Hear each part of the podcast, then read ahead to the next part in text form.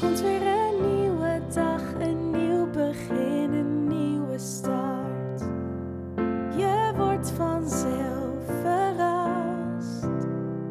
Dus lach niet, heb het leven lief. Ook al heb je zorgen, pak het met beide handen vast.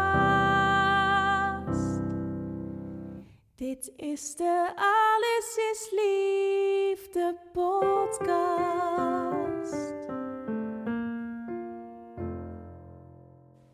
Hi lieve mensen, superleuk dat je luistert naar mijn podcast. Mijn naam is Rianne Roes, liefdesdeskundige, gedragswetenschappen en auteur van het boek Raak elkaar niet kwijt. Wil je meer over mij weten? Ga dan naar mijn website www.samenalleen.com. In deze podcast neem ik je mee in mijn proces om het leven te creëren zoals het voor mij bedoeld is. Ik wens je heel veel inspiratie en luisterplezier.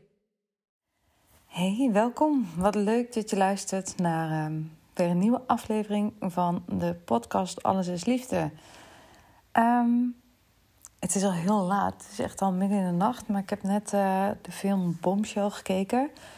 En ik, uh, ik wilde gaan slapen. Maar ik dacht, ik moet nog... Dit, dit moet nog van mijn, van mijn hart. Ik moet hier nog een podcast over opnemen. En ik weet nog helemaal niet zeker of ik hem ook daadwerkelijk ga publiceren.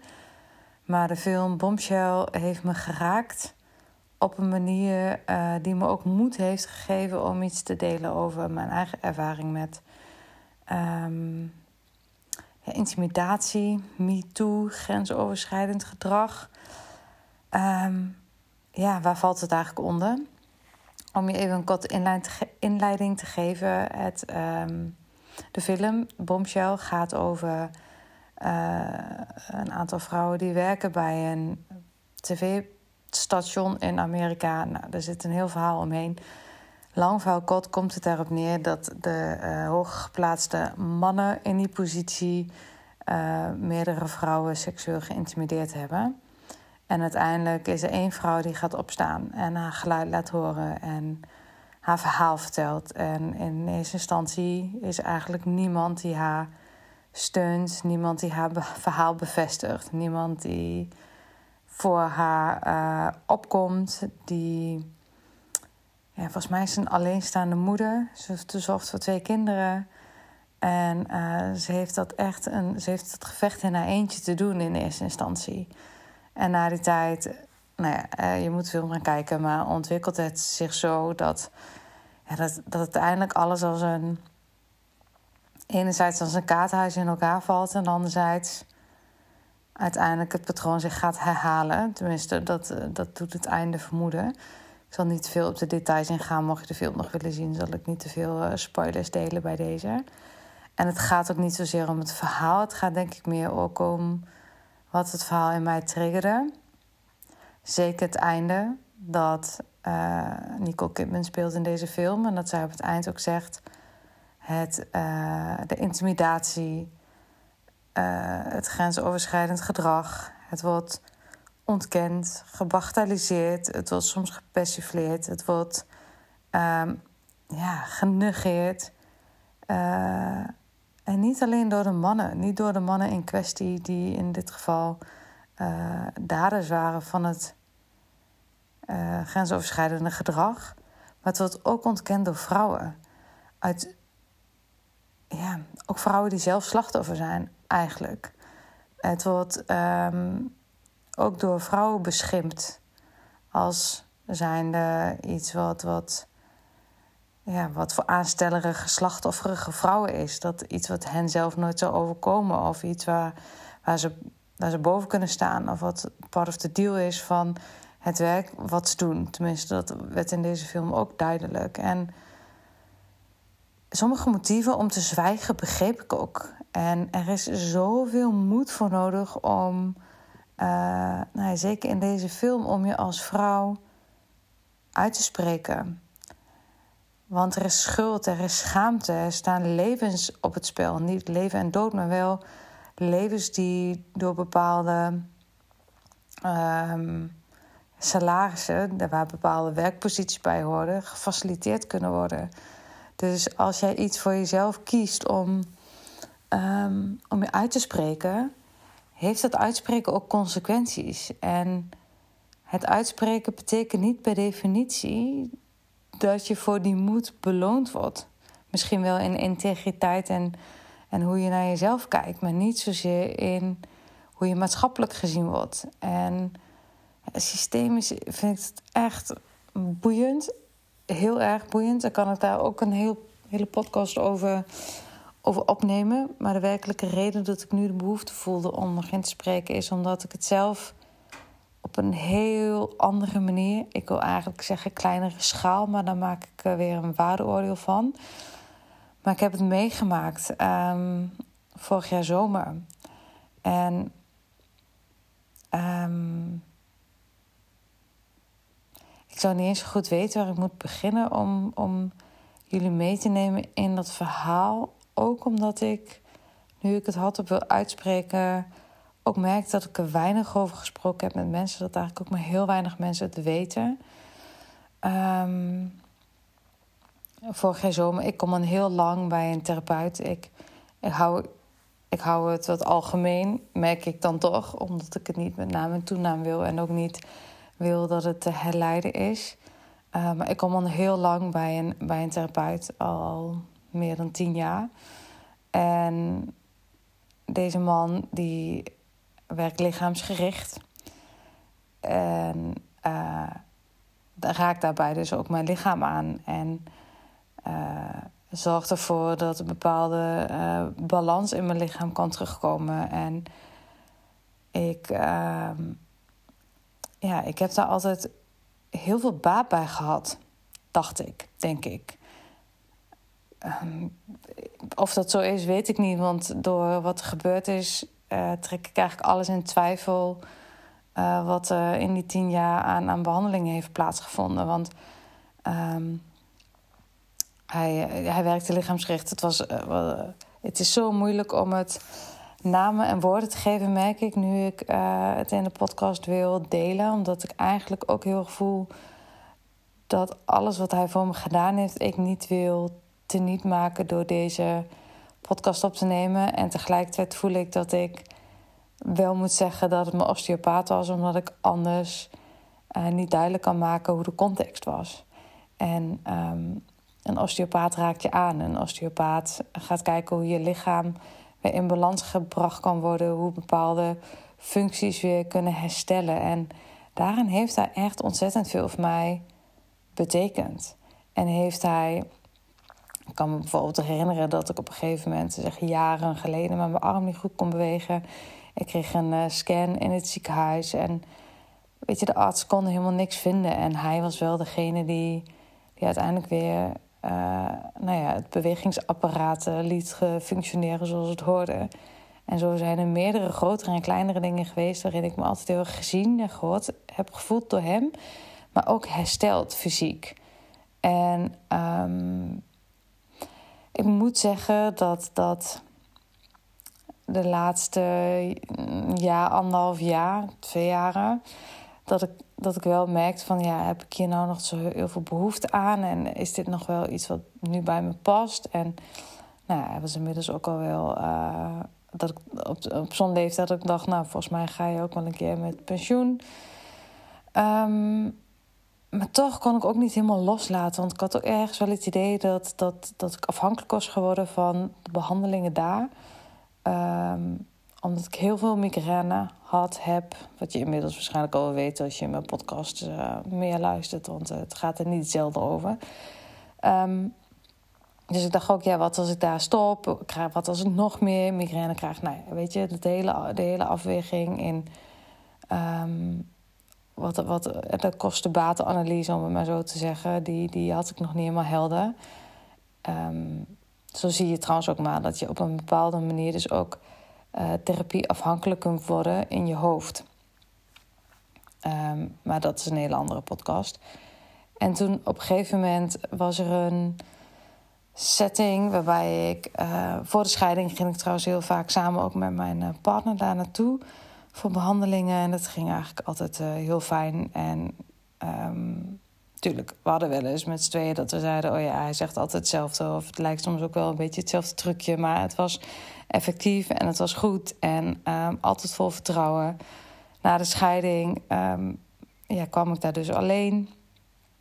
En ook in de, vlak voor de zomer was ik daar geweest. En nou ja, emotioneel zat ik natuurlijk echt wel een stuk minder goed in mijn vel dan, um, dan de jaren daarvoor over het algemeen. Ook omdat je je kunt voorstellen dat een scheiding je niet heel erg in de koude kleren gaat zitten. En toen was er al een moment erop uh, bij het afscheid hij um, een hand, me ook een knuffel gaf. En me eigenlijk heel diep in de ogen aankeek en zei: Weet je, Rianne, je bent echt een goed mens. En op dat moment raakte me dat heel erg. Op een positieve manier was ik echt geëmotioneerd. Nou, ik ben dan niet super goed om dat ook helemaal te laten blijken, maar ik heb wel uh, mijn waardering uitgesproken. Voor, zijn, voor, voor het feit dat ik het gevoel kreeg dat hij me echt zag. En um, nou ja, toen kwam ik thuis en toen was er een voorval waardoor ik uh, in een uh, conflict raakte met, uh, met iemand. En daardoor voelde ik weer intens veel spanning toenemen in mijn nek. En eigenlijk de hele behandeling werd daardoor teniet gedaan. En um, ik voelde dat, dat ik weer terug moest gaan naar de osteopaat, omdat ik merkte, uh, hij had alles heel opengezet en weer in balans gebracht. En dan heeft het altijd wat, wat tijd nodig, een paar dagen, om dat heel goed te zetten. En die tijd kreeg ik dus niet vanwege dat conflict en de stress die me dat gaf. En dus belde ik uh, opnieuw voor een afspraak om, uh, om op korte termijn nou ja, eigenlijk voor een vervolgbehandeling te komen. En um, toen kwam ik binnen en toen maakte die een opmerking over mijn jurkje. En dat gaf me wel een ongemakkelijk gevoel. En tegelijkertijd dacht ik ook, ja, weet je, als iemand je al niet meer een compliment mag geven over je kleren, dan, uh, dan uh, is het, uh, zijn, we ver, zijn we ver weg als, als mensheid, laat me zeggen. En toch voelde het ergens ook niet helemaal lekker. En ik weet dan ook niet goed waar het ook kwam. Het, heeft misschien ook te maken met mijn persoonlijke proces, wat zich heel erg gericht heeft op het fysieke. Vorig jaar en dit jaar ook op het voelen van mijn lichaam, op mijn grenzen voelen, die aange aangeven, om verlangens te voelen, om uh, heel sensitief te zijn op de signalen van mijn lijf. En niet alles maar uh, te laten doortetteren door uh, mijn hoofd en, en alle gedachten die ik heb. Dus toen dacht ik ook, ja, weet je, je kan nu ook op elke slag zout leggen. Dus ik heb dat, uh, ik heb dat in mijn hoofd geparkeerd. En uh, ja, na de behandeling, of eh, toen, um, voor de behandeling moet ik natuurlijk mijn, uh, mijn kleding uitdoen. Dus ik zat in mijn hemdje en op de behandelbank. En um, nou ja, na alles nagekeken. Ehm, het was ook echt inderdaad helemaal geblokkeerd. En op een gegeven moment zei hij ook wel van... Goh, ben je nu al terug? Uh, want vorige week heb ik je nog gezien. Is het zo dat, dat de vorige keer uh, gaven we elkaar een knuffel... Dat, uh, dat je dat niet fijn vond? En dat was ook niet echt een knuffel, het was meer een omhelzing... Um, waarop ik eerlijk ook aangaf van nee, weet je, ik heb me juist toen echt gezien gevoeld door je. Ik vond het fijn en het was een mooi, uh, mooi en fijn contact. En hij zei ja, in verband met MeToo en al, al dat soort toestanden. Je mag tegenwoordig ook niks meer. En nou ja, ik heb dat volgens mij zelfs nog beaamd. En um, aan het eind van de behandeling is het altijd zo dat ik met mijn benen aan één kant van de behandeltafel moet zitten, zodat hij kan nakijken of alles goed, uh, goed staat. En op een gegeven moment legde hij uh, zijn handen op mijn schouders en uh, gaf mij een zoen op de mond. En ik was echt flabbergasted. Gewoon bevroren. Ik heb zelfs nog betaald. Ik, um... En tegelijkertijd was ik een soort van in shock. En ik zat in de auto en ik kon eigenlijk alleen maar huilen, huilen, huilen. En ik dacht echt, wat is hier gebeurd? En het was zo... Ja, het was echt gewoon heel heftig zeker qua gevoel. Het is alsof er een soort van snap gemaakt werd in mijn hoofd, waardoor ik echt brak. Ik moest zo ontzettend huilen. Ik had echt het idee, ik kan. Ik ben zo lang sterk geweest of zo en ik kan gewoon niet meer. Ik ben kapot. Dat dit er dan ook nog bij moest komen. Iemand die ergens van mijn gevoel toch een soort van um, houvast was in iets wat nog gebleven was, laat maar zeggen. Iets wat, wat ook nog bij mijn oude leven hoorde, maar wat ik nog mee kon nemen in mijn nieuwe leven. En door de scheiding ervoer ik ook dat eigenlijk niks nog hetzelfde was. Dat heel veel, echt bijna alles.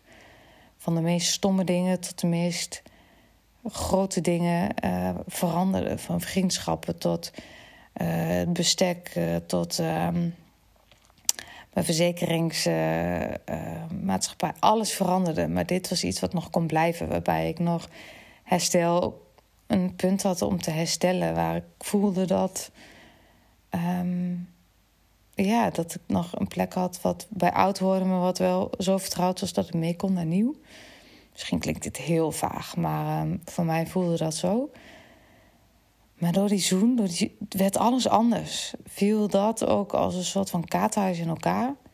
En viel ik ook als een kaarthuis in elkaar. En tuurlijk, het was dus de, de druppel die de spreekwoordelijke emmer deed overlopen. En ik heb nu dus nog steeds, want we zijn uh, echt al heel wat maanden verder. Ik heb nog steeds vraag, ik vraag me nog steeds af wat is daar nou gebeurd? En door die film die ik net gekeken heb, is het eigenlijk allemaal weer getriggerd. Dat ik, ook nu ik het had op zeg, zit er een stem in mijn hoofd die zegt: Ja, echt, Jezus, Rianne, je hebt het over een zoen op de mond. Doe niet zo ingewikkeld. Misschien heb jij het er ook wel naar gemaakt, want je hebt zelf meegewerkt aan uh, het uh, creëren van een context van vertrouwen.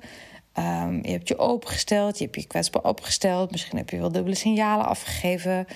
Uh, het was echt niet zijn bedoeling. Misschien gebeurde het in een reflex. Maar er is ook een ander verhaal wat zegt: die man heeft mijn hele lijf eigenlijk aangeraakt. Hij, er waren momenten dat bij mijn schaambeen. Um, ja, behandelingen werden uitgevoerd. En ik heb daar nooit wat van gedacht. Tot, tot dat moment vorig jaar. Dat ik dacht: oké, maar wat als dat allemaal niet nodig was geweest? Wat als jij me op plekken hebt aangeraakt waar je helemaal niet had hoeven zijn? En wat, wat als je hebt gedacht: ik ga kijken hoe ver ik kan komen met haar? En tegelijkertijd voel ik me zo'n verschrikkelijk mens dat ik zulke gedachten heb over hem. Want ik geloof echt dat het in basis een goede man is. 100% een vakman. En toch is er ook weer dat andere gesprek. En dat zag ik ook in die film. Wat als ik zwijg en er zijn meer vrouwen zoals ik? Dat kan toch niet waar zijn? En tegelijkertijd kan ik het gewoon niet voorstellen dat dit iets anders is geweest dan een incident. In tegenstelling tot wat er in de film gebeurde. Maar is dat de schaamte die spreekt? Is dat het, is het gezond verstand wat spreekt? Is het. Wat is dit? Waar, hoe moet ik hiermee omgaan? Ehm, ik heb het met zo weinig mensen over gesproken, ook omdat ik er voor mezelf denk ik nog helemaal niet zo uit ben over welke betekenis ik eraan mag geven.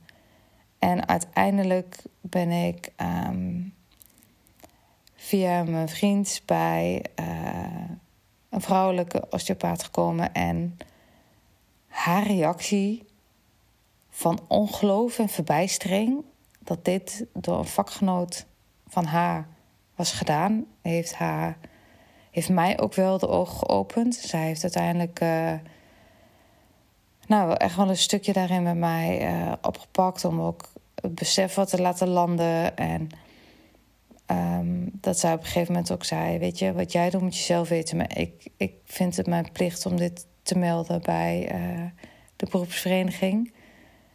En um, ik wilde daar verder helemaal niks mee in eerste instantie. Ik wilde het vooral vergeten en, en niet te zwaar maken. Want er was op dat moment leefde vooral ook wel echt het idee van. Um, ja, wie is niet ooit in zijn leven uh, met een zoen op de mond uh, overvallen? Of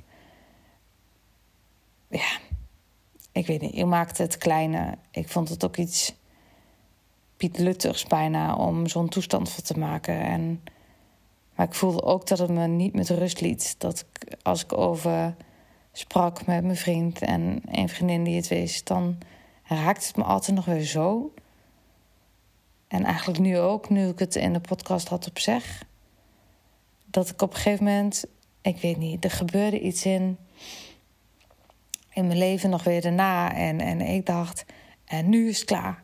En, en toen heb ik met uh, de, die vrouw, uh, die vrouwelijke osteopaat gesproken. En ik heb gezegd, ik wil uh, toch mijn kant van het verhaal vertellen. Aan, um, ook aan de voorzitter van de of de penningmeester, weet ik veel wie het was, van de beroepsvereniging.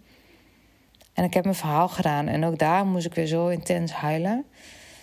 Dat ik wel voelde, oké, dit moet ik wel ook doen voor mezelf. Om mezelf te erkennen. Maar tegelijkertijd zei ik ook die hele tijd... Maar echt, ik geloof oprecht dat deze man niet...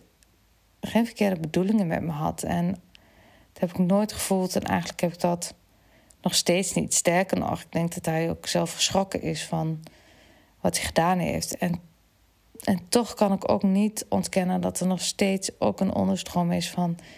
Maar wat als ik het niet goed zie? En dat is ook wat me raakte in de film.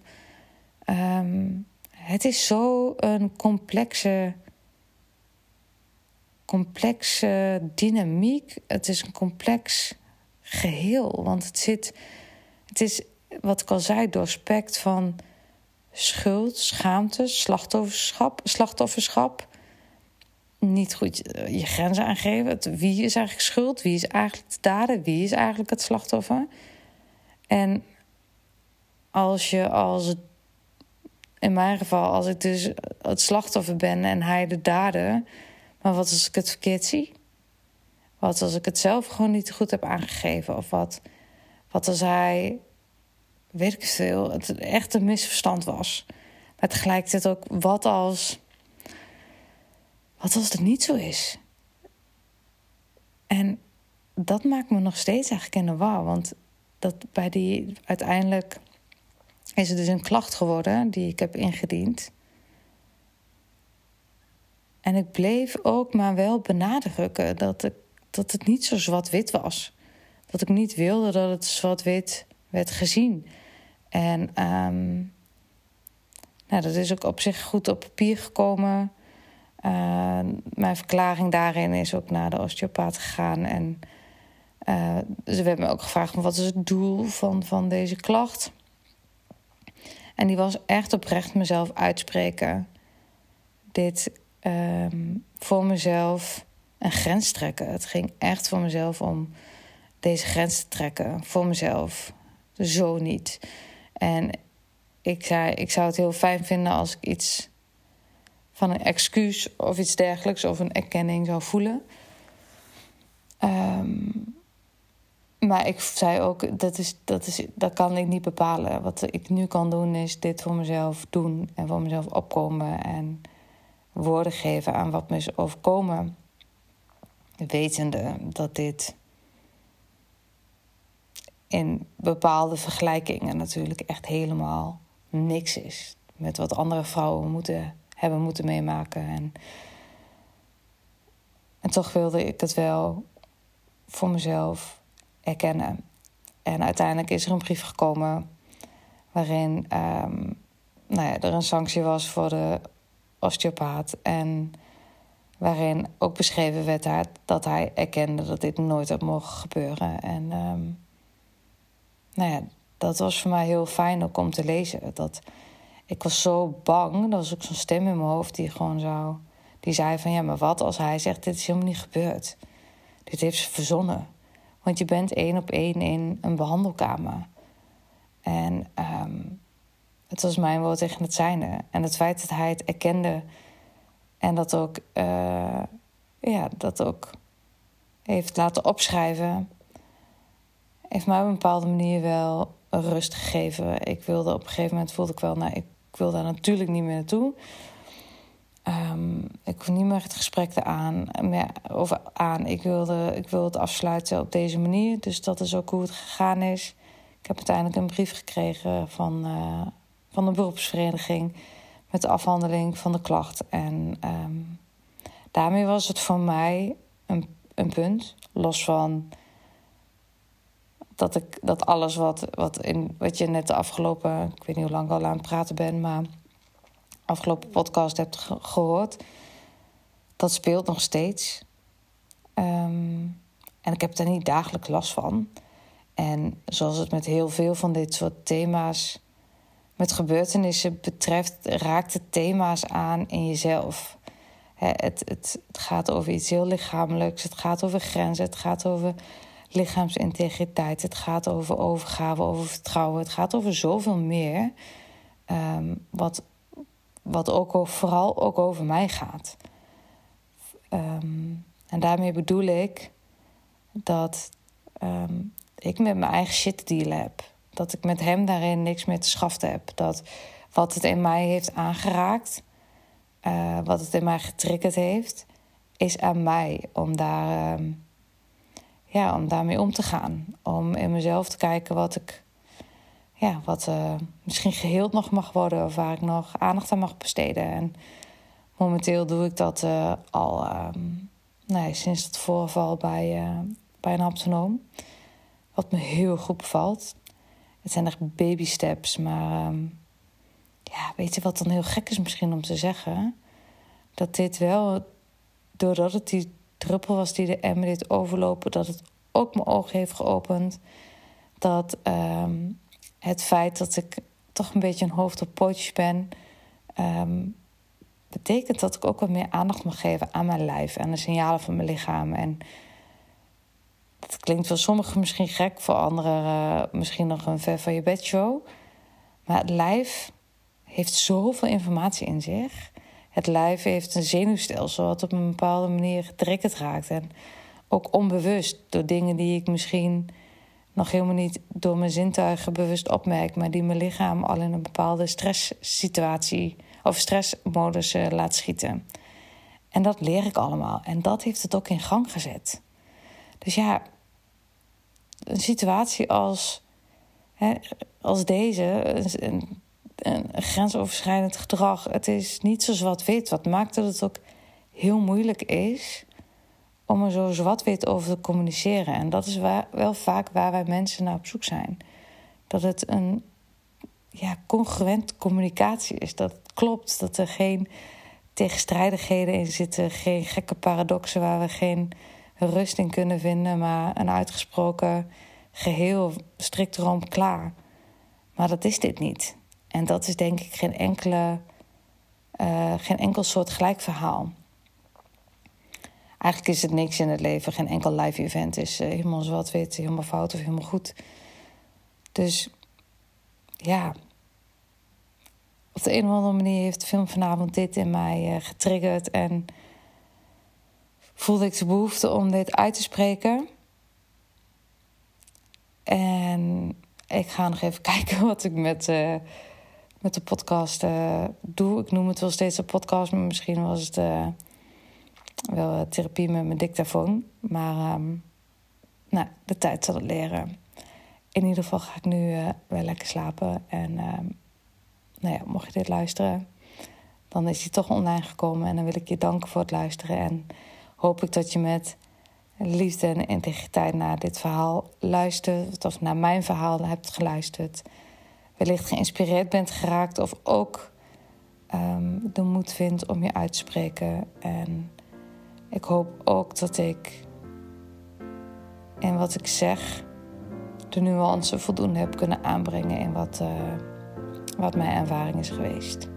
Maar die laat ik natuurlijk helemaal bij jou. Nou, zoals jullie gehoord hebben, is uh, deze zeer persoonlijke podcast dus online gekomen. Um, ik heb er wel eventjes over nagedacht. Ik heb hem een paar keer teruggeluisterd.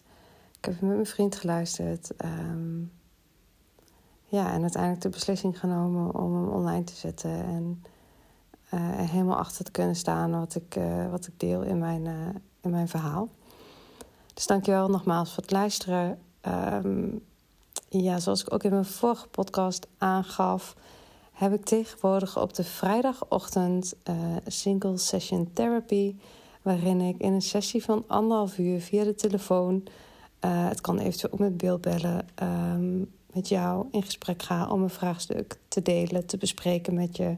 Zodat je na dat anderhalf uur uh, of concrete handvatten hebt, nieuwe inzichten hebt, je gehoord en gezien hebt gevoeld. En van daaruit weer verder kan ja, in het proces waarin je in zit. Of uh, een beslissing kan nemen waar je tegenaan hikt. Of een uh, casuïstiek die je besproken hebt uh, verder kan oppakken. Nou ja, in ieder geval is er dus op de vrijdagochtend zijn er drie mogelijkheden om 9 uur, half 11 en 12 uur om bij mij een single session therapy in te boeken. Um, heel makkelijk, dus lekker vanuit je eigen, vanuit je eigen stoel thuis. Geen reisafstand. Um, ja, en eigenlijk elke vrijdagochtend beschikbaar. Het gaat wel hard met, uh, met uh, boekingen, maar um, mocht je geïnteresseerd zijn, stuur me dan een mailtje naar Rianne Roes, samenalleen.com. En dan uh, gaan we hem inboeken. Je kan me ook op Instagram volgen, want daar, um, nou ja, daar is eigenlijk steeds de meest recente update van de beschikbaarheid te zien. Voor nu, dankjewel voor het luisteren en een fijne dag.